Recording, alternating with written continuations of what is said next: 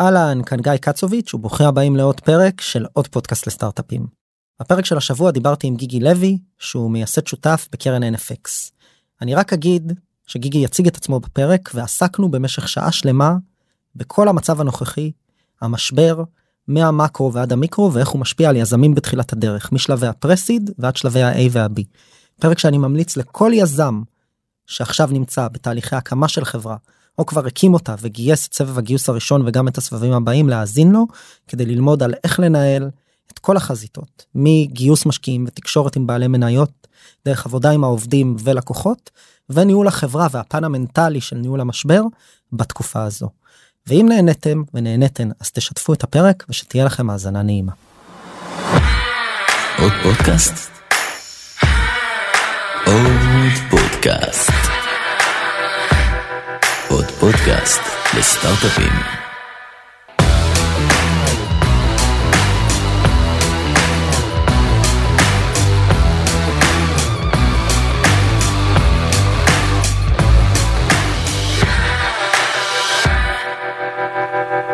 גיגי, מה. קורה? הכל בסדר, מה שלומך? בסדר גמור בסדר אני שמח שאתה פה זה פעם ראשונה באופן אירוני למרות שאנחנו מכירים כבר הרבה שנים. ואתה תומך בי מהרבה מאוד מהדברים שאני עושה ואני רוצה להגיד לך תודה גם מנטור אצלנו בתוכניות וגם בעלי אירועים ותמיד אומר כן ואני מודה לך על זה. מודה שאתם עדיין מזמינים אותי. פה, פה כמובן פודקאסט אחד על אחד עוד לא יצא לנו לעשות נכון. אז הנה בוא נראה לי מה שנקרא תמיד יש פעם ראשונה אני אשמח אה, שתספר כמה מילים עליך קודם אוקיי. כל משעמם, אבל אה, אה, התחלתי בחיל האוויר. אה, לאורך השנים אה, הייתה לי קריירה ששילבה גם, אה, גם להקים חברות. אה, מהחברה הראשונה שהקמתי איך שיצאתי מחיל האוויר והייתה לא טובה ולא הצליחה, אחרי זה חברה שהצליחה קצת, אחרי זה אה, אחרות, פלייטיקה באמצע וכולי. גם יצא לי לנהל חברות שלא הקמתי, שזה בדרך כלל לא מסלול נורמ... רגיל כל כך למי שיזם, אבל לי זה מאוד עזר כי נתן לי פרספקטיבה של חברות יותר גדולות ודברים יותר גדולים, אז, אה, אז גם הייתי באמדוקס ניהלתי חטיבה וגם ניהלתי את אה, 888 הרבה שנים, שהיא חברה אה, שהייתה אז בזמנו חברת האינטרנט הכי גדולה בישראל, למדתי ממנה המון המון המון על, אה, על כל הדברים שאני עושה היום. אה, וגם לפני אה, 15 שנה או כבר תכף זה 16 במקביל לזה שהיה לי עבודה אה, כמו כולם פה התחלתי להשקיע. אה, השקעתי בחברה ראשונה שנייה שלי זה- הצליח לא רע ואז בעצם לאורך השנים השקעתי באיזה 100 חברות. כמשקיע פרטי. כמשקיע פרטי כאנג'ל מה שנקרא ובעצם לפני חמש שנים אה, כבר לא כבר בעצם מ-2011 אני בלי עבודה והתעסקתי בתחביב הזה של השקעות ולפני חמש שנים או כבר תכף שש החלטתי לקחת את זה ברצינות וגם החלטתי שלעשות זה לבד זה קצת משעמם לאורך זמן וביחד עם עוד שני שותפים אה, הקמנו את NFX קרן סיד מהגדולות בעולם כאילו היום הקרן היא 450 מיליון לסיד ועוד איזה 150 למה שנקרא opportunity fund ואנחנו היום חמישה שותפים הקרן היא סיליקון ואלי וישראל משקיעים אה, בעיקר בארצות הברית וישראל אבל גם קצת לונדון ודרום אמריקה לטין אמריקה מה שנקרא. אה, אז זה בצד הזה של השקעות וזה מה שאני עושה היום פול טיים. מעבר לזה אני עדיין יושב באיזה שני בורדים אה, כאלה חיצוניים אני יושב בבורד של חברה גדולה גרמנית שנקראת ברטלסמן. אה, שזה סופר מעניין חברה של 200 אלף איש כאלה ענקית נורא. ו- קונגלומרט כזה קונגלומרט ממש שמלא מלא חטיבות מלא דברים ואני אחד מהאנשים שם בבורד ולומד מזה הרבה. אה, אפשר לדבר על זה מאוד מאוד שונה לכל מה שנמצא בעולמות הסטארט-אפים כמובן וב-advisory council זה נקרא של פייסבוק שאני כבר פעם זה היה נורא כיף היום זה תמיד כמובן יותר מסובך. אה, ומעבר לזה מעורב אה, יחסית הרבה ב, או מנסה להיות מעורב איפה שאני יכול בפרויקטים בארץ בעיקר בתחום החינוך. כאילו סגירת פערים בחברה באמצעות חינוך אה, מול מול כל מיני קבוצות שפחות מיוצגות בעולם הטכנולוגיה. זה לא רק חינוך טכנולוגיה כי נניח הפרויקטים עם, עם, עם הפזורה הבדואית אי אפשר להתעסק רק בטכנולוגיה כי הבעיה היא ב, ב, בכלל בבתי הספר אז כאילו, אין- בתר- אין- אין בתרבות בחברה אין לי- אין צריך מה להגיד לה- את אין זה. לי מה להתחיל אה, בטכנולוגיה חייבים להתחיל לפני זה זה עמותה שנקראת כוכבי המדבר.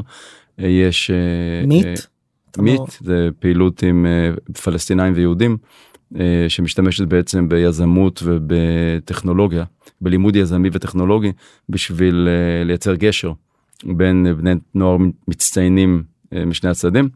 עושים את זה כבר 16 שנה. יש אה, פרויקט, אה, יש את קמאטק עם אה, אוכלוסייה חרדית. אחד הפרויקטים ה- ואברהמי. מוישי ואברהמי. עושים חיל. העל שמשנים במו ידיהם את החברה החרדית.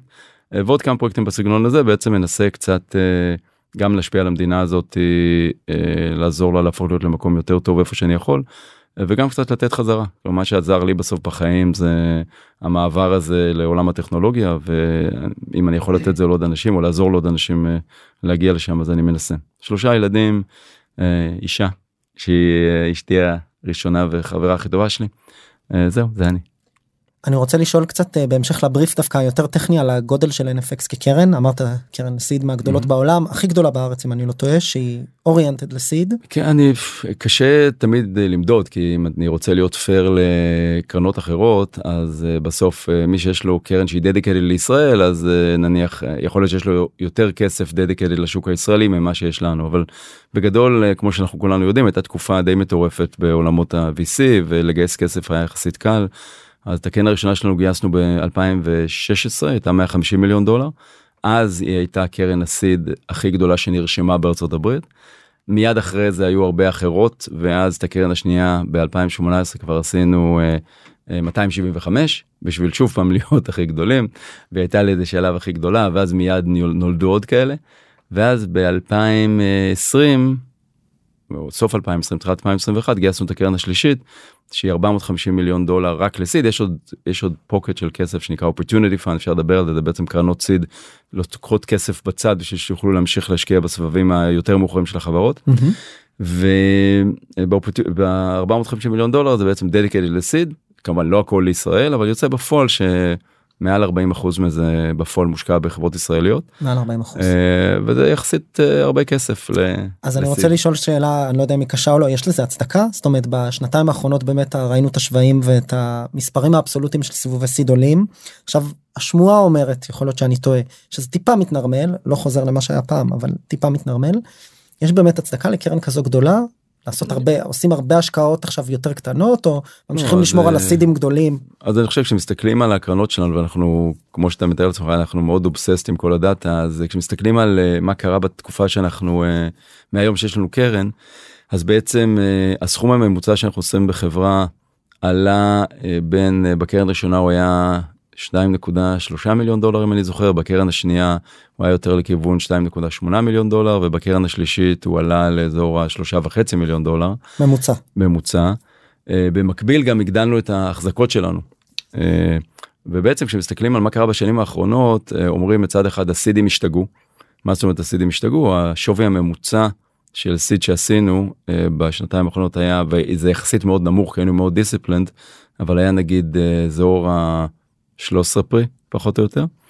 אה, ואז אומרים זה טירוף כאילו מה פתאום אה, אבל כשמסתכלים מה קורה בפועל אחד הדברים המעניינים זה אה, כשמשווים את זה לסבבי A של אה, 2010 רואים שסבב A של 2010 היה סבב ממוצע של 4 עד 5 מיליון דולר משהו היום ה seed. בשווי של אה, בממוצע 14-15 מיליון דולר מהמם. והשלב שהחברה הייתה בשביל ה-A הוא לא רחוק מאוד מחלק מהמקומות שבהם אנחנו משקיעים היום את ה seed כלומר יש מוצר יש צוות יש traction ראשוני יש design partners יש דברים שבעצם מוכיחים.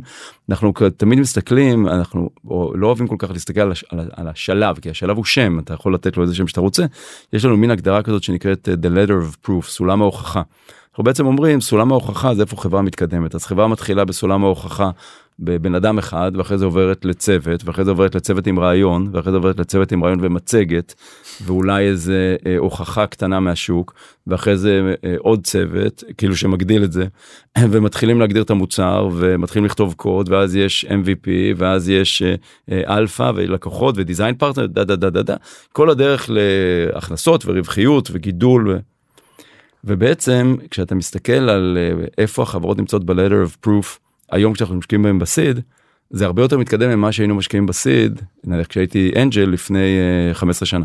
אז אני חייב לשאול כי זה מתכתב גם עם הרבה דברים שאני מתעסק בהם ביום יום בפיוז'ן כמשקיע pre-seed ממש pre pre-seed. איך זה מסתדר? אני קצת שואל את זה. יזמים ויזמות מקשיבים ואומרים מה אני אמור להגיע? הוא משקיע seed הוא אמור להיות המשקיע הראשון שלי גיגי או כל קרן שם קוד.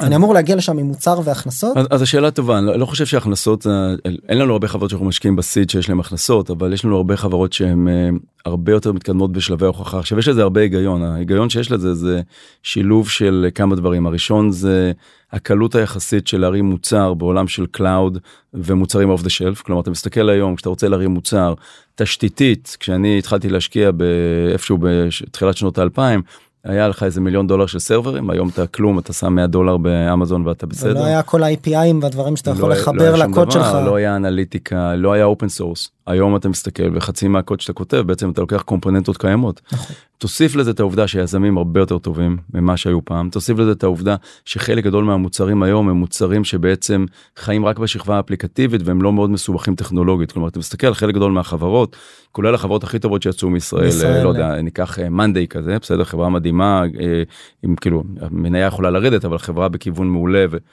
ואתה מסתכל בסוף על המוצר אתה אומר המוצר הוא לא מאוד מסובך טכנולוגית הוא מאוד טוב טכנולוגית אבל לא מאוד מסובך טכנולוגית זאת אומרת שלהקים מוצר כזה בעצם בהתחלה אתה כבר לא צריך עכשיו עשרות מיליוני דולר אתה יכול בעצם כמה חבר'ה שמתחילים ובגלל זה אגב הרבה פעמים מאוד קשה לנו עם צוותים uh, בסיד שאין בהם אנשים טכניים. כלומר אתה רואה פאונדרים שהם כולם עסקיים אתה אומר רגע שנייה כאילו מה, ש, מה שזה גורם להם זה גורם להם לא להתחיל לעבוד על המוצר. כי בשלב הזה אם היה פאונדר טכנולוגי הוא היה מתחיל לכתוב קוד mm-hmm. ובעצם היו מגיעים אליי כשכבר יש משהו כשכבר יכול לראות משהו כשיכול לראות אינטראקציה ראשונית של לקוחות. ולכן אה, הרבה יותר קל היום לצפות מצוות לא להגיע אליי עם אה, רק מצגת. רק רעיון. עם רק רעיון והרבה פעמים אני, אני יכול להגיד לך שאני זוכר בשנות האלפיים המוקדמות אה, היו מגיעים אנשים היו עם המשפט הבא אנחנו עדיין עובדים ב... צ'ק פוינט, אמדוקס, whatever, יש לנו רעיון, כשנגייס את הכסף נצא החוצה. היום המשפט הזה לא קיים. למה המשפט הזה לא קיים? גם בגלל שאנשים מצפים מיזמים שיבער להם בבטן ולא יוכלו לשבת בעבודה. למרות, ש... למרות נכון. שכמובן עובדתית יש אנשים צריכים, יש ילדים צריכים את הכסף, זה. זה דיון אחר, אבל uh, כן מצפים שברגע שמתחילים לעבוד, אפילו אם עובדים על זה בוויקנדים, אתה כבר יכול יחסית מהר להראות משהו. יש לך כלים לעשות דיזיין, uh, פיגמה וכולי, שאתה יכול בשנייה להתחיל, אתה לא, אין פה איזה משהו כבד. אתה יכול לבנות אתר בחמש דקות, אתה יכול uh, לבוא עם ה-value proposition שלך מאוד מהר, אתה יכול להגדיר הגדרות מוצר ראשוניות, אתה יכול לשים את זה בקלט, אתה יכול לעשות כל הדברים האלה, ולכן בעצם, נכון שיש עדיין, אה, אנשים שבאים שני חבר'ה ומצגת ועדיין מגייסים את הכסף. בדרך כלל זה קשור בפדיגרי של היזמים כלומר חבר'ה שזה הרודו השני או השלישי שלהם. החברה השנייה או השלישית או שהיו בכירים באיזה חברה. הם יכולים לבוא ולקבל את אותה ולואציה במקום נמוך יותר ב-leather of proof בגלל שהם בעצמם מוכחים יותר. נכון. ולכן כן היו אנחנו כן עושים לפעמים סבבים באותו שווי. אבל עם אנשים שעוד אין להם כלום. מה שנקרא סיד על מצגת על אמת. נכון, שנקרא. אבל זה כמעט ולא קורה היום, ויותר mm-hmm. מזה, גם האנשים החזקים האלה היום, הרבה פעמים אומרים לעצמם, רגע, אם אני יכול לקבל את ה... לא יודע, את ה-12 pre או, ה-13, 14, רק על זה שאני תותח והשותפים שלי תותחים, ויש לנו מצגת ורעיון טוב, אם אני אעבוד על זה חודשיים, שאני יכול להרשות לעצמי, ואני אבוא עם MVP ועם שני design partners, אני אקבל 18. אז למה אז לא? אולי שווה לי לחכות את החודשיים האלה, כי זה לא לחכות שנתיים. אה, ולכן היום seed זה לא מה שהיה פעם seed רק רק רק התחלה. Mm-hmm. אני מאמין שגם אתה אפילו ב pre-seed חלק מהחברות שאתה משקיע הם לא pre-seed מצגת או לגמרי או קשקוש מוצר על... בחוץ חלקם אפילו נכון. מה שנקרא מדברים במטריקות של SaaS MRR וכל הדברים לג... האלה לגמרי ועד... ועדיין כן, לא גייסו כסף ו... לא גייסו וגם ול... קשה מאוד לגייס נכון ולכן כי... ולכן מבחינתם זה pre-seed. אה, כי הם יושבים על שכבה כזו אצלנו ספציפית סתם כדי לסבר את האוזן. אני בדרך כלל לא מדבר על זה הרבה בפודקאסט שלי עלינו אבל, אנחנו יושבים על קטגוריה של pre-seed first timers חברה שזה לא הרודאו השני שלהם בהגדרה במה שנקרא non obvious markets שזה bullshit way to say לא סייבר לא AI horizontal לא פינטק לא כל מה שלא hot ושם יש לך פשוט uh, lack of funding לרוב החברות בתחומים האלה אז הם חייבים לבוא עם proof הרבה יותר משמעותי ל seed. כן, ואני חושב, ואני חושב שהיום לאט לאט uh, זה כמובן uh, נהיה יותר קשה לכולם בגלל המצב נכון. אני חייב להגיד שיש. Uh, המצב הוא לא חמור כמו שהעיתונות גורמת לו להיראות כאילו ממה שאתה זאת קורא, תפקידה ממה שאתה כן ברור ממה שאתה קורא בעיתונים זה נראה כאילו שלא יודע ב, ברוטשילד בביוב זורם אה, זורם דם של סטארטאפיסטים זה לא המצב אה, תודה לאל. אה, הייתה איזושהי עצירה כמו שקורה תמיד בקטעים האלה בגלל שכולם אומרים רגע רגע אני לא רוצה לצאת אידיוט אני לא רוצה להיות האחרון שעושה עסקה ב-20 כשתכף העסקאות יהיו ב-5 mm-hmm. אבל א' ממשיכות גם עסקאות ב-20 אה, לצוותים מאוד חזקים וב' רק כדי לזה 20 שווי מה שנקרא 20 שווי 20 שווי כן כן וב' ממש אין עסקאות ב-5 או ב-4 או. כאילו, סיד, ה... סידים ממשיכים התחושה. שלי שהסידים ממשיכים מכל מיני סיבות אגב. תראה זה גם מאוד מאוד, הגיוני כשאתה חושב על קרן סיד האופק שלה להשקעה הוא אזור ה-10 שנים.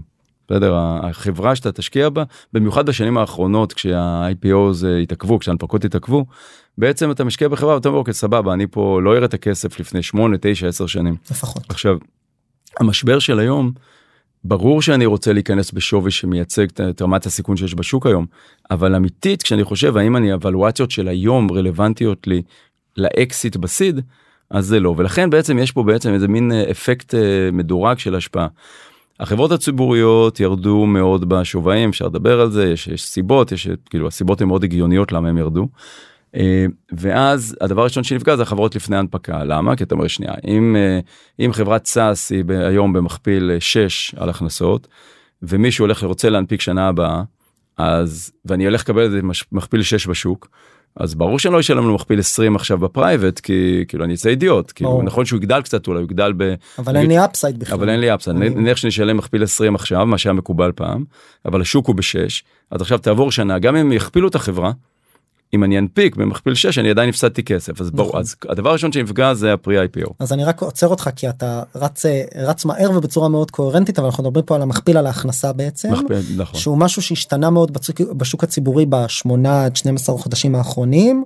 אז... לאור, לאור מצבי מצב מקרו שאפשר לדבר עליו ריבית כן, זה, זה, זה, לא, זה לא רק מצב מקרו תראו מה, מה, תראו מה שקרה בעולם בסוף זה הדבר העיקרי שקרה זה אה, עליית ריבית משמעותית. עכשיו צריך להבין שזה פעם ראשונה מזה הרבה מאוד זמן שעליית הריבית נשענת על משהו מאוד משמעותי. המשהו מאוד משמעותי הזה זה אינפלציה אמיתית שלא ראינו מזה הרבה מאוד שנים. מה הסיבה לאינפלציה?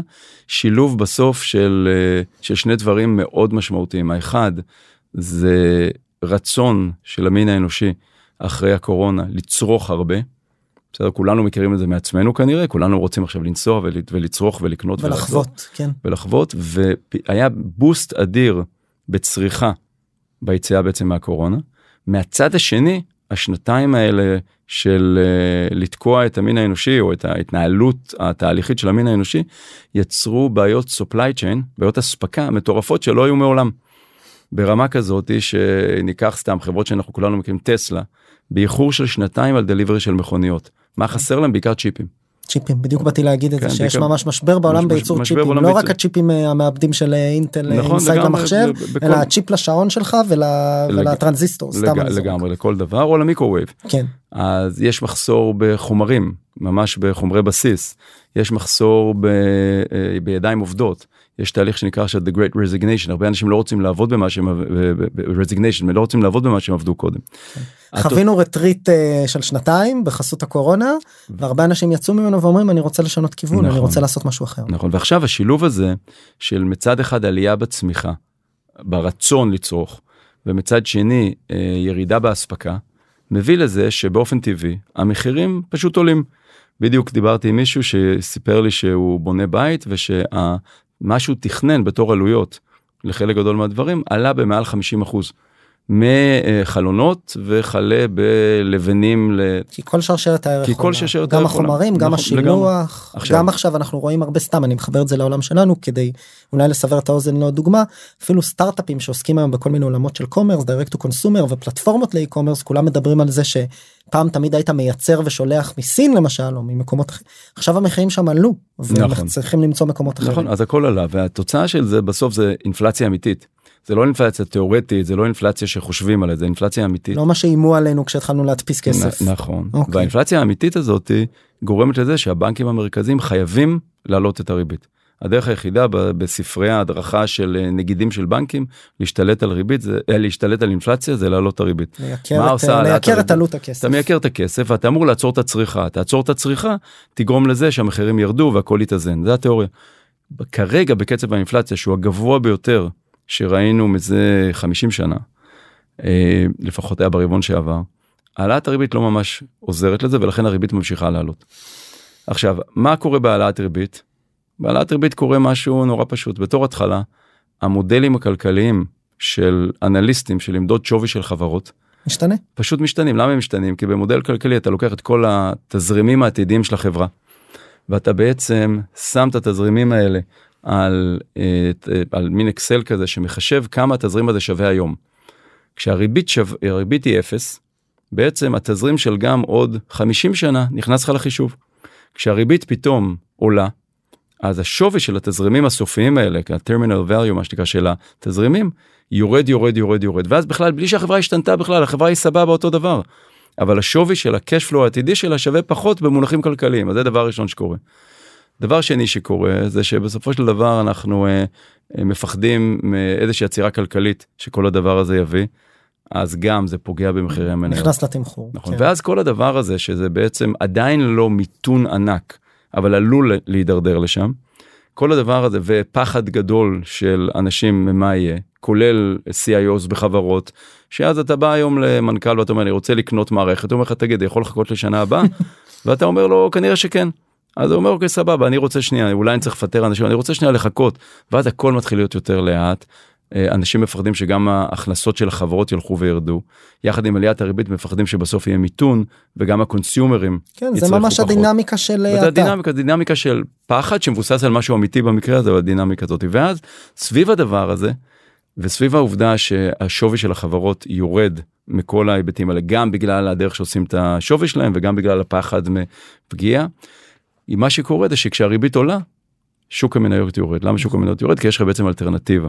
האלטרנטיבה זה בעצם גם הריבית העולה משנה את הוולואציה של החברות וגם יש לך אלטרנטיבה לאיך נכון. לעשות כסף. עולה. בתקשורת אה, בזמן אמירת אה, מילים אלה כל נושא הפקדונות בבנקים שפתאום נכון. תפס תאוצה ואפיקי נכון. השקעה אלטרנטיביים. ואז פתאום לא נגיד פה ביטקוין נכון, ואז וכאלה. עכשיו בוא, בוא ניקח את זה אבל אמרנו. אפשר להגיד אבל אמרנו. כן ואז את כל הדבר הזה אם אנחנו שנייה נשים שנייה את כל המקרו הזה בצד התוצאה הסופית של הדבר הזה בוא נראה איך זה משפיע על הסטארט-אפים. אז עכשיו בסוף התחלנו את הדיון אני רק אה, אה, סוגר פה מעגל שאתה תמשיך אותו זה התחלנו מהמכפילים. כאילו, נכון, אז ישר נכון. זרקנו מכפיל המכפיל ירד היה מכפיל נכון. 20 הוא עכשיו 6. נכון ואז בעצם הגענו למצב שמתחילה סופה מושלמת בעולם הסטארט-אפים למה מצד אחד השווי של החברות הציבוריות יורד.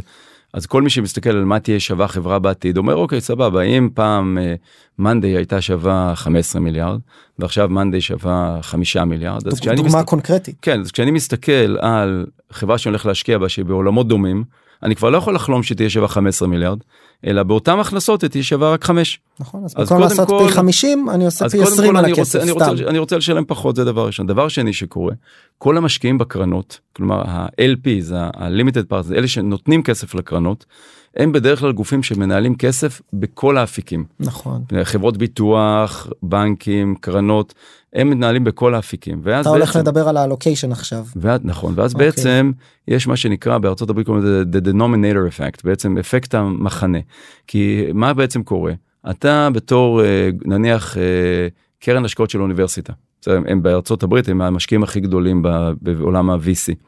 אז אתה מסתכל ואתה אומר הקרן השקעות של אוניברסיטת אה, נגיד הרווארד הגדירה שהיא רוצה להשקיע חמישה אחוז מהנכסים ב asset class הזה בסוג הנכס הזה שנקרא VCs. עכשיו נניח שיש להם 100 מיליארד דולר אז חמישה מיליארד דולר הולכים ל-VCs הכל סבבה כולם, לקרנות שישקיעו בחברות סטארט-אפ. כן, כולם מכן. שמחים. עכשיו פתאום יש התרסקות בבורסה והבורסה יורדת ב-50 אחוז. כן. ועכשיו בוא ניקח רק אה, משהו תיאורטי נגיד שחצי מהכסף של האוניברסיטה הזאתי הוא במניות 50 מיליון דולר. 50 מיליון שירדו דולר. ל-25 ירדו בשווי. ל-25 פתאום עכשיו השיעור המחנה היחסי. המחנה במקום שיהיה 100 הפך להיות 75 ועכשיו פתאום ההקצאה שלהם האלוקציה שלהם ל-VC היא כבר לא 5 מתוך 100 שזה מה שהם רצו זה 5 מתוך 75. עכשיו אמיתית יכול להיות שגם החמש הזה שווה היום קצת פחות אבל את זה הקרנות לא משנות כל הזמן כי זה נכסים פרטיים. ולכן בספרים של, ה... של האוניברסיטה הזאתי ההשקעה שלהם ב-VCs נשארה 5 אבל כל התיק שלהם נהיה ירד. 75 פתאום הם מעל 5 אחוז. אז גם עוצרים קצת השקעות עכשיו באה להם קרן בקרנות. חדשה נכון. ואומרת להם רוצים לגייס, אומרים תקשיבו היינו מאוד שמחים לעזור לכם אבל אנחנו כרגע בעל, מעל ההקצאה המותרת לנו ל-VCs. אז אבל פה אנחנו מדברים על נקודות שהן נראה לי באמת מאוד רלוונטיות סתם נגיד בדינמיקה בין managers של לא, לא, קרנות שנייה, שנייה, לא, זה, זה מגיע בסוף ליזם, למה? אוקיי. כי, כי עכשיו... אבל יש dry powder יש יש, powder, יש, יש dry powder זה בעצם הכסף שקיים בקרנות נכון להשקעה עתידית, אבל עכשיו אני, יש לי קרן, אני מסתכל ואומר במקור כשהשוק היה בטירוף התכוונתי לגייס קרן חדשה עוד שנה. אבל עכשיו כשאני שומע מכל המשקיעים שלי שהם עוצרים וקשה להם והם לא רוצים והם יחכו שיהיה זה והם יצטרכו לבחור מי המנהלים הכי טובים אני אומר רגע רגע רגע רגע בוא נמתין למה שאני יצא לגייס את הקרן שלי בתוך הבלגן הזה? אז אם התכוונתי שהכסף יחזיק לי שנה, מה יקרה אם הוא יחזיק שנתיים? לא יקרה כלום. דמי הניהול מתקתקים, מתקתקים. השווים בינתיים יורדים, יורדים. אני אוכל יש למצוא הזדמנות עסקאות, שהם יעלו אני אוכל למצוא עסקאות יותר טובות, יכול להיות שכן. אז אני קורא לכל השותפים ואני אומר להם בשקט, תקשיבו שנייה, בוא נאט שנייה. עכשיו אתה לא אומר את זה בחוץ, למה אתה לא אומר את זה בחוץ? כי אתה לא רוצה שיחשבו שאתה לא רלוונטי. אבל מה שקורה בפועל זה שאתה התכוונת שה-20 מיליון דולר שנשארו לך או 100 מיליון דולר שנשארו לך יושקעו במהלך שנה. והם בעצם עכשיו אתה גורר אותם על שנתיים או שנתיים וחצי. בפועל מסתכלים ואומרים רגע לקרן יש 100 מיליון דולר יש הרבה dry powder. אבל בפועל ה dry powder הזה בחלוקה לשנים נפרס יותר לאט נפרס יותר לאט ועכשיו השילוב של exit multiples יותר נמוכים כלומר הציפייה לאקסיט ולמספרים יותר נמוכים יחד עם dry powder כסף שנפרס על יותר זמן וקרנות מסוימות שנגמר להם הכסף ולא יגייסו כרגע קרנות. כל הדבר הזה ביחד מביא לזה שמתחילה ירידה בשווים ויש בעצם לחץ גדול על גיוס הכסף. מה שקורה בפועל זה אנחנו רואים שני, שתי תופעות מעניינות. הראשונה היא שכמה שאתה יותר מתקדם האפקט הוא יותר גרוע. בסדר? אני חושב שהדוגמה הכי קיצונית זה קלרנה. חברת payment סקנדינבית שהייתה החברה האירופאית הכי יקרה בעולם באזור ה-48 מיליארד דולר נדמה לי. והייתה גם אחד הסטארט-אפים הכי יקרים בעולם יחד עם סטרייפ וספייסקס וכל מיני כאלה. ונאלצה לגייס כסף כי הייתה ב burn מאוד מאוד אה, מאוד גדול והייתה צריכה לגייס עוד מיליארד דולר וגייסה את המיליארד דולר הזה בשווי 6. כלומר ירידה וואו. של אזור ה, אה, כמעט 90 אחוז מה שהיה ל WeWork ממש אותו נ- נכון, כמעט אותם שווים אפילו נכון נכון וירידה מטורפת שכמובן מאוד מבאס את המשקיעים הקודמים אני לא יודע למי היה הגנות ולמי לא אבל מאוד מבאס את המשקיעים הקודמים מוציאה המון מהמוג'ו של החברה. אז למה זה קרה כי זאת הייתה חברה שהייתה ממש ממש קרובה להיות public אז כל מי שהסתכל עליה אמר תקשיבו אני כבר לא יכול להסתכל עליה בתור 50 או 48 מיליארד דולר אני יכול להסתכל במשווים בוא נראה כמה שוות חברות payments אחרות כן. בשוק בוא נראה אז זה בקצה ואז ככל שאתה יורד לשלב לפני זה יש אפקט אבל הוא קצת יותר קטן למה כי אתה עדיין יכול להאמין שאולי המכפילים נמוכים אבל שני דברים יקרו א' הגידול הוא עדיין יותר מהיר. וב' יכול להיות שיש מספיק שנים קדימה יש שהמכפילים יעלו. פלו בקופה.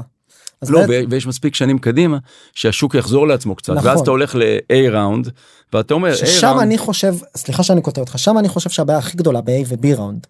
גייסת כבר כסף אה, נכון. אתה כבר לא מדבר על vision אתה צריך לדבר על מטריקות אבל אין לך מספיק cash flow בקופה הרנווי שלך אולי כולם אומרים תגייס לשנתיים שלוש לא תמיד זה המצב. ואתה צריך להראות ביצועים בשוק בהאטה אז אני חושב בשביל להצדיק אבלואציה של נכון. פי 3 עד 5 לשווי הבא. נכון אז, אז אני חושב שזה מאוד אה, מאוד קשור לתופעה השנייה שרציתי להגיד. אז הראשונה זה בעצם שככל שאתה יורד למטה האפקט יותר קטן. ככל שאתה עולה למעלה האפקט יותר גדול. נניח כמו שאמרנו בפריסיד ובסיד לא ראינו שינוי מטורף כאילו השובים לא נחתכו בחצי. נכון. התופעה השנייה המעניינת היא שיש משהו שתמיד קורה במשברים אבל הפעם הוא עוד יותר קיצוני וזה שיש ריכוז של משקיעים סביב החברות הכי טובות או אלה שנתפסות הכי טובות. כן. וה... אפקט עדר כזה קצת. ואין כמעט פיזור סטטיסטי. לכל החברות זאת אומרת אם אנחנו מסתכלים על השנים האחרונות אז בעצם החברות הטובות קיבלו הרבה term sheets והפחות טובות קיבלו קצת פחות והפחות נכון. טובות קיבלו אלה שנתפסות פחות טובות קצת פחות ובעצם עד חברות נקרא לזה באחוזון ה-25 כולם קיבלו term sheets ונניח מתחת ל-25 לא קיבלו. היום אנחנו רואים תופעה מאוד קיצונית שהחברות בטופ מקבלות יותר term sheets כי כולם אומרים אם אני משקיע אני רוצה להשקיע באלה שאין איתם שום בעיה צוות חזק מטר, מטריצ, מטריצות טובות הכל כאילו, יושב. הכל יושב כיוון טוב פשוט הכל. אז הם מקבלים עוד יותר כי כולם risk averse כולם מפחדים מהסיכון. כן זה פה אני בכוונה חייב לעצור זה פה אני מרגיש משהו שאני מתעסק בו הרבה גם באופן אישי וגם אנחנו יצא לנו לדבר עליו קצת בשיחות שלנו זה בכלל לא קשור אה, אה, אה, למתמטיקה של venture capital business או של סטארט-אפים זה קשור להטיות בה"א אנושיות. שאני בא ואומר יש משבר אני משקיע אני רוצה ללכת על בטוח או על הכי בטוח שאני תראה, יכול. אני, אני חושב שאני זוכר מהמשברים הקודמים גם כשהייתי יזם שתמיד הדבר הראשון שבא לך להגיד זה שאיך שמתחיל משבר המשקיעים שכחו את המילה סיכון בצירוף הון סיכון. כן. הם רוצים להשקיע במה שהכי בטוח ועכשיו זה בגדול זה הגיוני כלומר תפקידו של המשקיע. ב, כאילו ב, כשהוא מנהל כסף של אחרים או את הכסף של עצמו זה בעצם להביא את העסקה הכי פחות מסוכנת במחיר של העסקה הכי מסוכנת. זאת אומרת, החברה הכי מתקדמת שעושה אותה הכי פחות מסוכנת, במחיר של הכי זול, קרי המחיר זול מייצג סיכון. ומה יותר טוב ממשבר שדוחף את המחירים המשבר, למטה. עכשיו, היו לנו פה הרבה שנים, וגם יש פה הרבה משקיעים שהם קצת במסע ריבנג', היו פה הרבה שנים של אה, יזמים ששלטו בכיפה, השווים היו מאוד גבוהים, היית צריך לשלם מחיר של חברה מאוד לא מסוכנת על חברה מאוד מאוד מאוד מסוכנת. זה בעצם מה שהיה, שילמת ולואציות מאוד גבוהות על חברות בתחילת הדרך. והיום המשקיעים אומרים רגע רגע רגע במצב של היום אני רוצה את זה הפוך אני רוצה את המחיר של משהו מסוכן על משהו שהוא לא מסוכן. התוצאה של זה זה שאם בעבר הייתי אומר שנניח ה-cut off לקבל term sheet היה 25 אחוז נניח ה-25 אחוז הנמוכים לא קיבלו והשאר קיבלו. היום ה-cut off הוא איפשהו ב-50-60 אחוז. אני רואה חברות ממש סבבה שממש מגיע להם לגייס כסף גם להזכיר לכם לא כל מי שנראה סבבה או, או לא כל מי שנראה מעולה זה מי שבאמת יצליח.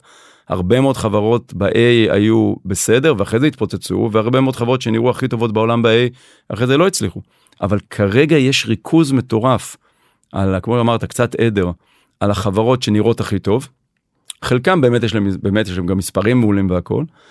וכל מי שיש לו אפילו בעיה הכי קטנה אתה רואה את המשקיעים נעלמים. אז אנחנו מדברים על השתי נקודות האלה אני ככה עושה את זה בהיי level המשבר וההשלכות שלו עלינו כיזמים או על המאזינים. הדבר השני זה באמת האפקט הפסיכולוגי ובוא נקרא לזה אופן התפלגות אה, ההון בעולמות כן. ההון סיכון. אני היום כיזם או יזמת בתחילת הדרך מה איך, איך אני אמור להתנהל סביב הדבר הזה מה אני אמור להבין ב, ואיך ב, אומרים באיזה שלב בסיד או ממש סי פרסיד סיד והאם אתה יודע דיברנו על זה קצת אה, לפני הפרק באספרסו אנחנו במשבר אנחנו באירוע חירום או ש... כי, כי, כי מצד שני אני שוב חוזר לנתונים יש כמה עשרות סיבובי seed proper בשנה כמה מיליוני דולרים אני לא רואה את המספרים האלה הולכים לשום מקום הקצב נשאר אותו דבר. יש הרבה יותר מכמה עשרות יש אה, כן. סבבי seed בארץ יש מאות כל שנה. ו... השנה יש פחות. תלוי באיזה source data אתה מסתכל. לא, אבל עדיין, כן, נכון, בין נגיד 300. יש, יש כן. מאות, אנחנו עדיין רואים אותם קורים. אנחנו רואים את הוולואציות יורדות קצת, אבל לא בצורה דרסטית, בטוח לא לצוותים טובים.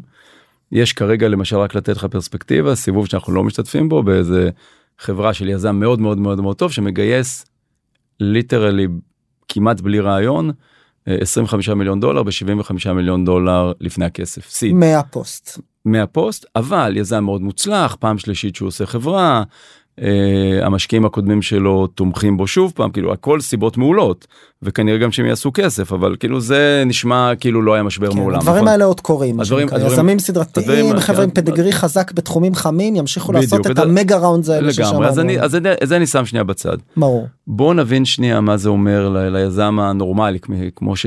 תמיד שהייתי שואל את אבא שלי למה יש כאלה שזוכים בלוטו? הוא אומר תתרגל אצלנו זה לא קורה. אז היזם הנורמלי זה שזה לא קורה לו שזורקים עליו 25 מיליון דולר ב-100 פוסט.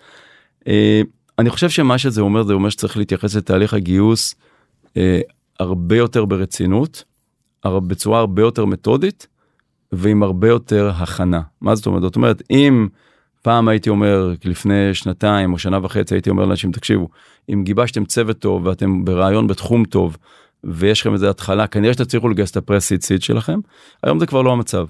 זה אומר שצריך להיות הרבה יותר מקצוען מה זה אומר הרבה יותר מקצוען זה אומר שצריך לקחת את אותו leather of proof סולם ההוכחה שדיברתי ולהגיד איך אני לאן הכי גבוה אני יכול להגיע. בזכות כאילו לפני שגייסתי כסף בכדי לעשות את החיים שלי בגיוס הכסף הכי קלים. עכשיו המקצוענות בתהליך גיוס הכסף היא משהו שאני חושב שרוב היזמים בישראל לוקים בו. אה, לא שבארצות הברית אין כאלה שילוקים אבל בארץ הרבה פעמים היזמים אה, מתנהלים בצורה מאוד חובבנית כשזה מגיע לגיוס הכסף בסוף תהליך גיוס הכסף הוא תהליך המכירה הכי מסובך שתעשה אי פעם בחיים שלך כי אתה בעצם בעיקר בסיד אתה מבקש מאנשים לעשות משהו סופר לא הגיוני. אתה מבקש ממישהו להעריך את העובדה שלך בא להקים סטארט-אפ באיזה 12 מיליון דולר שלהזכירך רוב האנשים במדינת ישראל לא הרוויחו 12 מיליון דולר בכל החיים שלהם מכל העבודה שהם עשו וגם לא הרוויחו. כן. מה פתאום ששני אנשים או שלושה אנשים שטרחו כמה שעות על מצגת יהיו שווים 12 מיליון דולר. אז אתה מראש כשאתה מציג את זה ככה אתה מבין שהבקשה היא מאוד חריגה מכיוון שהבקשה היא מאוד חריגה. אז כשהשוק קל נורא סבבה וכשהשוק יותר קשה אתה צריך להתייחס לזה בסופר מקצוענות. סופר מקצוענות זה למפות את כל המשקיעים הרלוונטיים בארץ ובחו"ל מי שאתה יכול להגיע. למפות את מפת הקשרים שלך שיכולה להביא אותך אין, אין מה להגיע קר למשקיעים פשוט לא עובד מה מפת הקשרים שלך שיכולה להביא אותך ולעבוד בזה קשה ולבקש טובות ולעשות את זה כמו שצריך להכין מצגת שלא רק כוללת את כל התוכן הנכון אלא גם אה, נראית טוב.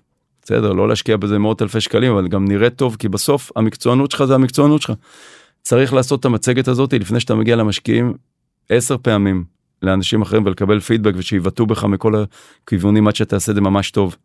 צריך לארגן את סט הפגישות בתקופה הנכונה ובצורה הנכונה בשביל שיהיה בעצם סוג של תחרות בין המשקיעים שלא אתה לא פורס את זה על פני שנה שלאף אחד אין לחץ. אתה לא היזם שתמיד מגייס. כן צריך אה, לדעת איך אתה והשותפים שלך מגיעים לפגישות האלה מי מגיע לכל פגישה איך מגיע איך מדברים מי מדבר מי מדבר על מה איך לא סותרים אחד את השני איך דואגים להראות אנרגיה טובה בין היזמים. צריך את כל הדברים צריך לקבוע מה הפגישות הראשונות שאתה הולך אליהם. זה מעניין כי יצא לנו לדבר על זה פעם אה, אה, לך ולי שיכול להיות שלפני כמה שנים משקיעים גם בסיד ובפרסיד היו נותנים גרייס אה, ליזמים שבהם חלק מהדברים לא יושבים אבל הרמה כל כך עלתה והתחרות בין הסטארטאפים לא מדברים על זה הרבה. כשאתה יוצא לגייס אתה לא רק יוצא להרשים את גיגי או משקיע נתון שם קוד אתה צריך בעצם להתעלות זה קצת כמו פסיכומטרי אתה צריך להיות גם הכי טוב באופן אתה יחסי. חייב להיות הכי טוב באופן יחסי. וכשהרמה היא כל כך גבוהה אז היום מצופה ממך אפרופו זה חוזר גם לדילמה שפעם אני זוכר שכשאני הרבה יותר. אה, צעיר ממך ואני לא אגיד אה, ממרום גילי בכלל אבל כשאני התחלתי לעבוד בהון סיכון לפני חמש ומשהו שנים היה איזה דיון ער שהייתי בו במיטאפ על נושא שהזכרת על האם זה לגיטימי שמשקיעים יבקשו מהיזמים לעזוב את העבודה שלהם לפני שהם מתחילים סטארט-אפ. והיה שם משקיע שאמר בלי להתבלבל חברים זה לא אני מבקש. אני פשוט רואה 500 מיזמים או 1,000 מיזמים בשנה 90% מהם עזבו את העבודה עושים full time את מה שהם עושים זה מאפשר להם לעשות התקדמות שמי שלא עזב לא עושה. נכון. השוק מכריח לגמרי. אתכם לעשות את זה. נכון לגמרי. אז ו- אני סוגר ככה את ה... לא לגמרי ואני חושב שבסוף בסוף היום צריך להיות בתקופה כזאת צריך להיות הרבה יותר מקצועי ממה שהייתה לפני זה צריך להתייחס לזה בתור אה, כמו שאני חושב שחיפוש עבודה זה בעצם עבודה פול טיים כמו כאילו להגיע איך אתה מגיע לאן, לאן אתה מגיע וכולי גיוס כסף זה עוד יותר קיצוני. בסוף אה, כשאתה חושב על זה קרן כמונו רואה אם אני מסתכל רק על ישראל בסדר.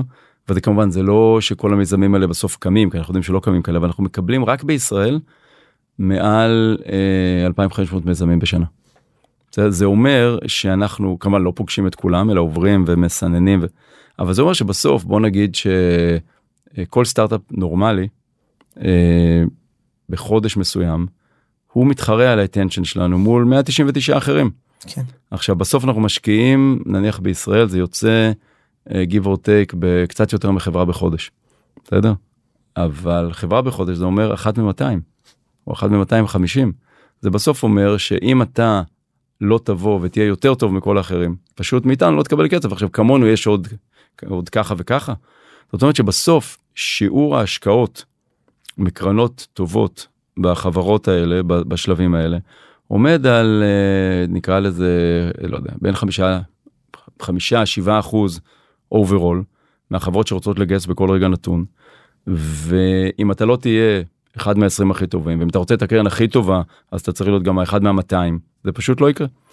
אני רוצה לגעת אה, בנקודה שאנחנו לא מדברים עליה הרבה ונראה לי שאין מתאים ממך לדבר עליה ואין רלוונטי מעכשיו לדבר על זה. וזה באמת היזמים של אחרי ה pre-seed seed. כבר גייסת כמה מאות אלפי דולרים או כמה מיליונים. אתה כבר uh, מה שנקרא עובד אתה על הכביש.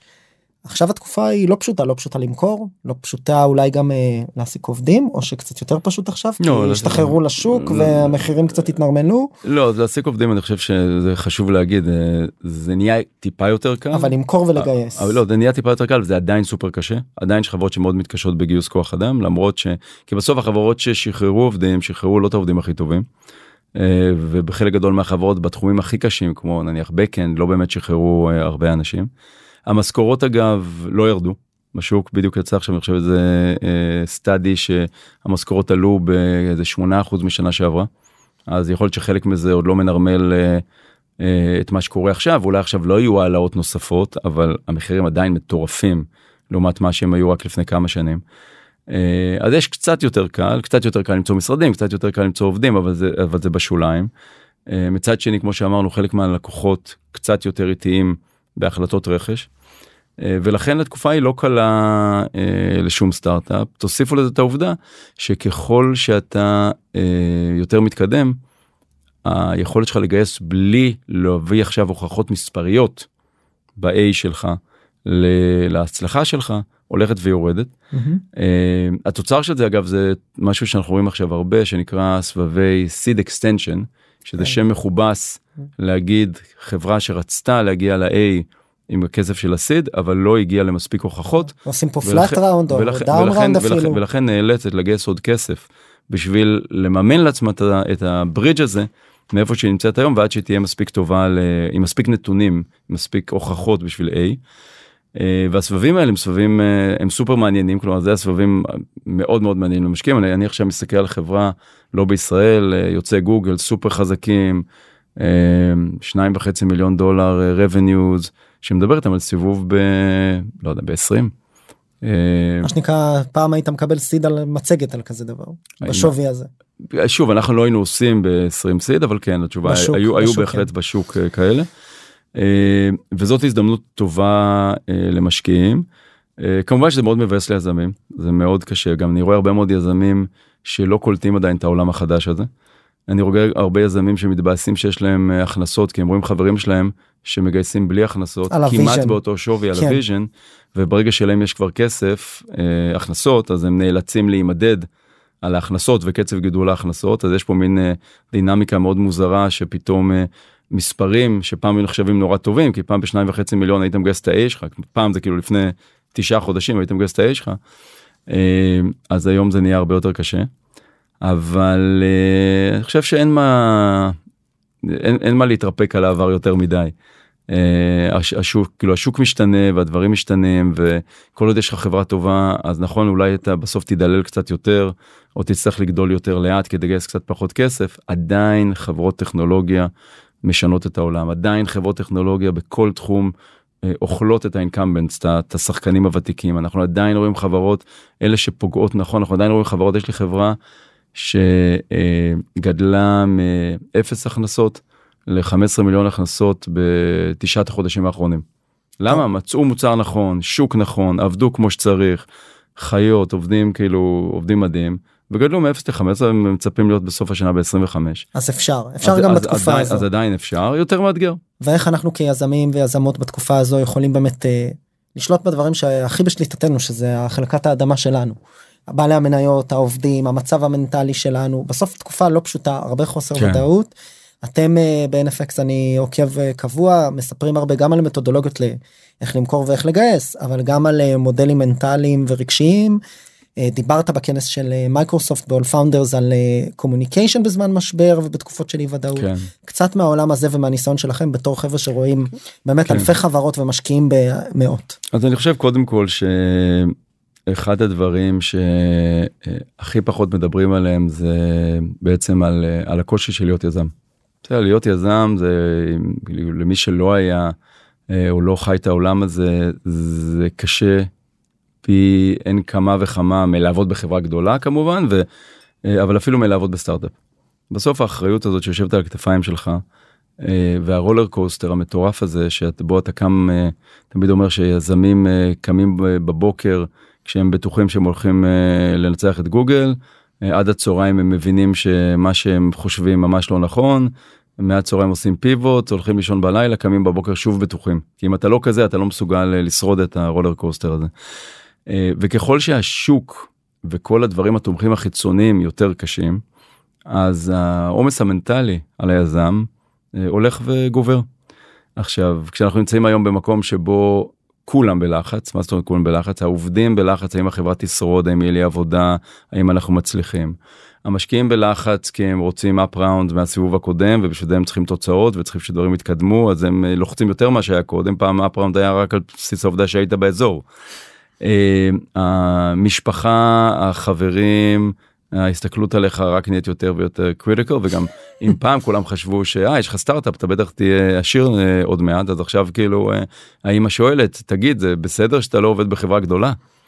אז כל הדברים האלה ביחד רק מעלים את העומס המנטלי על, אה, על, על היזמים, שאני חושב שזה אחד הדברים שאם אני מסתכל בסוף על, אה, על המקום שבו אנחנו עוזרים, אה, השותפים שעובדים עם החברות, המקום שאנחנו מנסים הכי לעזור, נכון שמדי פעם אנחנו נותנים גם עצה אסטרטגית טובה, או אנחנו יודעים לחבר למישהו, אנחנו כמובן מביאים כסף, ואנחנו, יש לנו צוות שלם שהתפקיד שלו זה לעזור לחברות, אבל המקום שבו אני מסתכל שלאורך השנים, היו הנקודות שאולי השפעתי הכי הרבה על, על המהלך של חברות, זה במקומות שעזרתי ליזמים להתגבר על הקשיים המנטליים שלהם. והרבה פעמים אגב, זה לא שיש לי הרבה מה לעשות, כלומר, אם יזם עכשיו בחרדה שהמוצר לא יעבוד, אה, אני לא יכול להגיד לו, יהיה בסדר, המוצר יעבוד ובזה זה הכל יורד, אבל עצם העובדה שיש דיון אמפתי, עצם העובדה שאני יכול בשלב הזה לספר לו דברים דומים שקרו לי, או לחבר אותו ליזמים אחרים שעברו את אותו דבר. עצם העובדה שאני יודע להגיד לו שהוא לא לבד בזה, שהוא לא היחיד. עצם העובדה שיש לו לפרוק את זה. עצם העובדה שאני מכיר, ואגב, זה אחד הדברים הכי קשים, זה הציפייה של כולנו, שהגיבורים האלה, הסופר הירוס, פאונדר CEOs, אף פעם לא יגידו שקשה להם. אף פעם לא יגידו שהם נשברים, אף פעם לא יגידו שזה בלתי נתפס לעבוד ככה. אבל צריך להגיד שאנחנו גם מאדירים את זה בעצמנו, לא, כי כולנו לא... מדברים על הצלחות ומסתירים את, לג... ה... לגמרי, את הכשלים. לגמרי, אחד הדברים שאני הכי לא אוהב uh, בסיליקון וואלי, וכשהגעתי לסיליקון וואלי לפני הרבה שנים, אז מי שהיום אחד השותפים שלי סיפר לי את זה, הוא אמר, get ready to it, in the Silicon Valley everybody's killing it. אני אמרתי לו מה הכוונה, הוא אומר חברה שהולכת להיסגר עוד שבוע, תפגוש יומיים לפני זה את היזם שלה, איך הולך? וואו מדהים מדהים מדהים. we're killing it. ואני מאוד לא אוהב את זה אני חושב שבסוף יש uh, ביזמות uh, קו מאוד מאוד מאוד עדין בין להיות uh, יותר מדי vulnerable יותר מדי פגיע לחשוף יותר מדי לבין להיות יותר מדי פאסון ובלי אמירה אמיתית ו, וכמובן שהבעיה היא מאוד גדולה כי אם כל בוקר תבוא ותגיד לעובדים תקשיבו שנייה היום אני ממש לא בטוח שנצליח. כאילו היום ממש קמתי בבוקר ואני חושב שיש סיכוי טוב שאנחנו הולכים להפסיד כל הכסף למשקיעים והאופציות שלכם יהיו שוות כלום. אה, זה, זה לא ממש אסטרטגיה טובה לניהול כוח אדם. אותו דבר אם תבוא למשקיעים שלך ותגיד תקשיבו חבר'ה רק שתדעו סיכוי טוב שזה הם יגידו לך תחזיר את הכסף או יגידו לך אה, נביא מנכ"ל אחר כן ולכן מצד אחד אתה לא יכול להיות יותר מדי vulnerable מצד שני במקומות שבהם כולם מבינים שאתה בפנים vulnerable אבל אתה רוצה לה, להמשיך ולהראות פסאדה בלי סדקים, אתה מאבד נקודות. לצורך העניין, אה, בהקצנה, נניח שהוצאנו גרסה של המוצר, והיא הייתה אמורה לשפר איזה KPI והיא לא משפרת אותו. כלומר המוצר היה אמור לעשות משהו לשפר נניח את ה-retension של הלקוחות והוא לא משפר. ועבדנו על זה הרבה זמן. אז לבוא ולהגיד הכל בסדר. היה מדהים היה השקה מדהימה. הייתה השקה מדהימה. כשבעצם כל העובדים יודעים ש deep inside אתה לא חושב את זה. ויכול להיות שאפילו ראו שנייה בשפת גוף שלך שזה לא זה אז אתה לא מרוויח נקודות אתה מפסיד נקודות. נראה לי שיותר גרוע אפילו שאתה חושב את זה כשזה לא נכון זאת אומרת שאתה ממש אה, מטעה את עצמך. אני לא אני קצת לא... עולמות ה vanity metrics קופץ נכון, לי פה. אז, אז אני לא אני לא חושב שיזמים לפחות אלה שלי יצא לעבוד מטעים את עצמם אני חושב על שיזמים הרבה פעמים וזה אחד המקומות שאנחנו מנסים תמיד אה, להקפיד עליהם אה, לא יודעים איפה להעביר את הקו של מתי זה בסדר to round up ומתי זה בסדר ומתי צריך להיות uh, שקוף והבעיה הכי גדולה בזה היא לא שהם מטעים מישהו אחר. הבעיה הכי גדולה זה שהם מעלים את העומס על עצמם. בסוף כשיזם בא, בא לפגישת בורד או לפגישה שבועית איתי ומתאר uh, משהו. ובפנים רמת החרדה שלו והחשש שלו הרבה יותר גבוהות, אבל הוא לא רוצה שאני אחשוב שהחברה לא טובה, והוא לא רוצה שאני יחשוב שאני לא רוצה להשקיע עוד כסף, הוא לא... בשלב הזה מה שהוא עשה, מעבר לעובדה שהרבה פעמים הוא לא השיג שום דבר, כי בסוף אנחנו אנשים מנוסים, ואנחנו רואים את המספרים, ואנחנו גם עבד, עבדתי עם כאילו מאות יזמים, אז אני גם יודע היום, אני חושב, גם לקרוא מתי... מה שנקרא, יש חוש ריח, מה שנקרא. בדיוק, אז מעבר לעובדה שזה לא עוזר בכלום, בשלב הזה הוא מאבד את היכולת שלי לעזור לו, את היכולת שלי לפתור לו חלק מהעומס המנטלי, והוא מאבד את האמפתיה. עכשיו המקום הזה הוא המקום שבו אנשים נשברים. נשברים אה, נשברים רגשית ולכן אני תמיד אומר לאנשים תקשיבו אני בפנים אני השקעתי ברגע שהשקעתי אני בצד שלכם. אין פה כבר uh, צדדים כאילו אני עכשיו איתכם בזירה. Uh, נכון שמי שחוטף את רוב הבוקסים זה אתם ואני uh, ואני יש לי הרבה חברות אז אני כנראה אמוציונלית במקום יותר טוב כשלכם הולך לא טוב כי אני מפוזר על כמה ואתם זה ואני גם לא עובד את אותם 25 שעות ביממה שאתם עובדים על הסטארט-אפ שלכם כאילו אני כן אבל לא על הסטארט-אפ הזה. אבל אם אתם לא תחלקו איתי אם אתם לא תבינו שאני איתכם אז אתם לא תוכלו לקבל ממני שום עזרה וגם מאחרים ואני רוצה לעזור לכם חלק מהעזרה זה עזרה פרקטית וחלק מהעזרה זה עזרה מנטלית להקשיב וחלק מהעזרה זה רק שתדעו שאתם לא צריכים לשמור סוד. בסדר רק שתדעו שזה בסדר להגיד לי תקשיב חשבנו שנגדל יותר ולא גדלנו. חשבנו שהגיוס הזה הוא מצוין והגיוס הזה לא טוב. חשב... אני לפעמים רואה את היזמים מחזיקים בבטן משהו המון זמן ואני רואה איך זה אוכל אותם בפנים גם בגלל שזה לא כיף להם לשמור את זה בפנים וגם בגלל שהם אם הם לא אומרים לי תקשיב אנחנו לא מצליחים לגדול כמו שרצינו ואני לא אומר להם זה בסדר זה קורה כמעט לכל חברה באיזה שלב בואו נעבוד על זה בואו נדבר אתם לא יחידים אתם לא לבד זה לא פעם ראשונה שזה קורה הכל יהיה בסדר וגם אם לא יהיה בסדר זה בסדר שאתם מרגישים ככה. אי אפשר להחזיק את הכל בפנים ואי אפשר כל הזמן להגיד שהכל בסדר והכל מעולה והיזמים שמתעקשים הם אלה שהכי קשה להם. התקשורת הרכה הזו איך אנחנו יכולים לעשות אותה יותר טוב כיזמות ויזמים מול בעלי המניות מול העובדים שלנו מצד אחד כן כמו שאמרת לעודד פגיעות לעודד גם אה, שקיפות אותנטיות כן. בסדר לדבר על הבעיות כי בסוף כשאתה מדבר על האתגרים זה יש שאומרים שזה יותר מ-50% מהאופציה מהפתרון, לתקן אותם. נכון, נכון, וגם ו... הרבה, פעמים, הרבה פעמים בעצם העובדה שאתה בא בצורה מובנית לדבר עליהם זה גורם לך לחשוב עליהם בצורה מובנית. אני חושב שבסוף יש פה אחריות אה, אחריות משותפת אם מדברים כרגע על משקיע מול יזם אה, תכף אפשר לדבר גם על יזם מול העובדים. אבל uh, משקיע מול יזם יש אחריות משותפת שאני חושב שבהרבה מאוד מהמקרים המשקיעים לא לוקחים על עצמם את החלק שלה, שלהם באחריות. אני חושב שאם אתה רוצה בתור משקיע שהיזם ירגיש בנוח להראות חולשה ולחלוק איתך את הכל אתה צריך לתת את התחושה שזה בסדר. ובפעם ראשונה אגב הרבה פעמים הרבה יצא לי כמה פעמים ויש כל מיני משקיעים בארץ שאני uh, לא משקיע איתם יותר. כי ראיתי הייתי נוכח במקומות שבהם הם אמרו ליזמים תגיד לי הכל ואיך שהיזם אמר משהו התחילו לנבוח עליו. אה, ובעצם במקום שהחלוקה והשקיפות יעזרו ליזם, הם רק הרסו, משתמשים בזה נגדו, הם רק הרסו ויצרו לחץ מיותר וגדול יותר. אה, וזה אני לא מוכן שיקרה ליזמים שלי ולכן לא משקיע עם האנשים האלה יותר. אני חושב שאם המשקיע יודע לתת ליזם תחושה וגם to act upon it כאילו גם להתנהג ככה. שבסוף once השקעתי אני בפנים ועדיין כמובן צריך, צריך להגיד את האמת תמיד תמיד תמיד יש ניגודי אינטרסים מסוימים וניגוד האינטרסים once אתה בפנים הוא בשני מקומות האחד כאילו אנחנו בחיים לא עשינו זה לא החלפנו מנכ"לים אבל uh, האחד זה אם המשקיעים רוצים להחליף את המנכ"ל ניגוד אינטרסים כמובן את היזם מנכ"ל. Uh, אנחנו לא עושים את זה אנחנו מאמינים שחברה כאילו אלא אם כן היזם בא בעצמו ואומר אני רוצה להביא מישהו אנחנו לא, לא עושים את זה החברה היא לא שלנו החברה היא שלה של היזמים. והדבר השני כמובן זה בסיבוב הבא כי בסיבוב הבא אני בתור משקיע אמור להחליט אם אה, אם אני צריך לשים כסף חדש. ואם אני חושב שהרבה במצב לא טוב אז כמה שאני אוהב את היזם וכמה שרוצה לעזור לו. אנחנו בסוף אה, באים פה באים לעשות כסף. אני, זה לא, לא בא לעשות כסף יש לי אחריות גם על הכסף של אנשים אחרים, של אנשים אחרים שהשקיעו בקרן. ולכן הרבה פעמים אם אתה לא בונה את ה... אני תמיד מסתכל על זה על תהליך בניית היחסים מתחילת ההשקעה ועד לסוף הדרך. ואם אתה לא בונה את המערכת היחסים הפתוחה, השקופה, האמפתית, המוכנה לקבל, באמת מוכנה לקבל חוסר הצלחה, ולא רק אומרת שמוכנה לקבל, אם אתה לא בונה אותה בהתחלה, לפני שאתה מגיע לנקודת הקונפליקט, שיהיה סיבוב הבא, היא נקודת קונפליקט, אה, כאילו לא צריכה להיות קונפליקט, זה דיון פתוח וכל, אבל זה נקודת ניגוד אינטרסים ראשונה בעצם, נכון. שאתה נתקל בה. אם אתה לא בנית עד אז אה, תשתית של תקשורת פתוחה, אמפתיה, אני רוצה להגיד חברות למרות שלא יודע אם כולם יגידו ש, שהמשקיעים שלהם חברים הכי טובים שלהם, אבל, אבל לפחות חברות באלמנטים של הפתיחות ושל הכבוד ההדדי.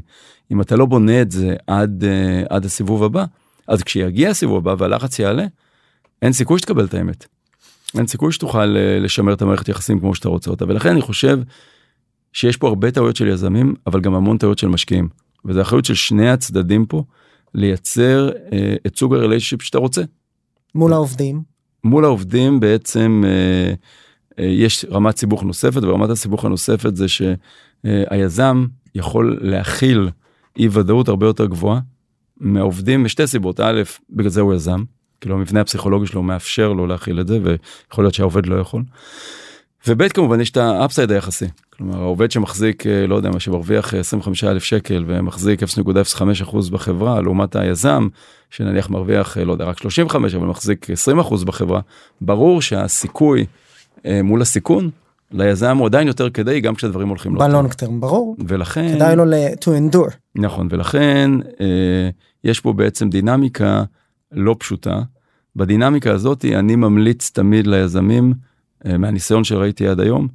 אה, לרובם יש את החוש איפה להעביר את הקו מה לספר ומה לא אבל אני ממליץ ליזמים תמיד אם לעשות טעות תעשו טעות ליותר פתיחות ולא לפחות ולא לפחות פתיחות למה. שוב ואני סומך עליהם שהם לא ילכו ויגידו. אה, כאילו בדיוק אה, קיבלנו לא מעשר קרנות מה אתם אומרים כאילו נסגור או להמשיך. כן, כן. אז לא צריך להגזים וזה לא קורה אף פעם. אבל אני כן ראיתי שברוב המקרים העובדים מוק- מק... מכירים את המציאות הרבה יותר טוב ממה שיזמים חושבים שהם מכירים. ואז אם אתה עושה טעות לחלוק פחות, ללהיות פחות שקוף, מה שקורה זה שהם, they, they call your bluff, הם יודעים.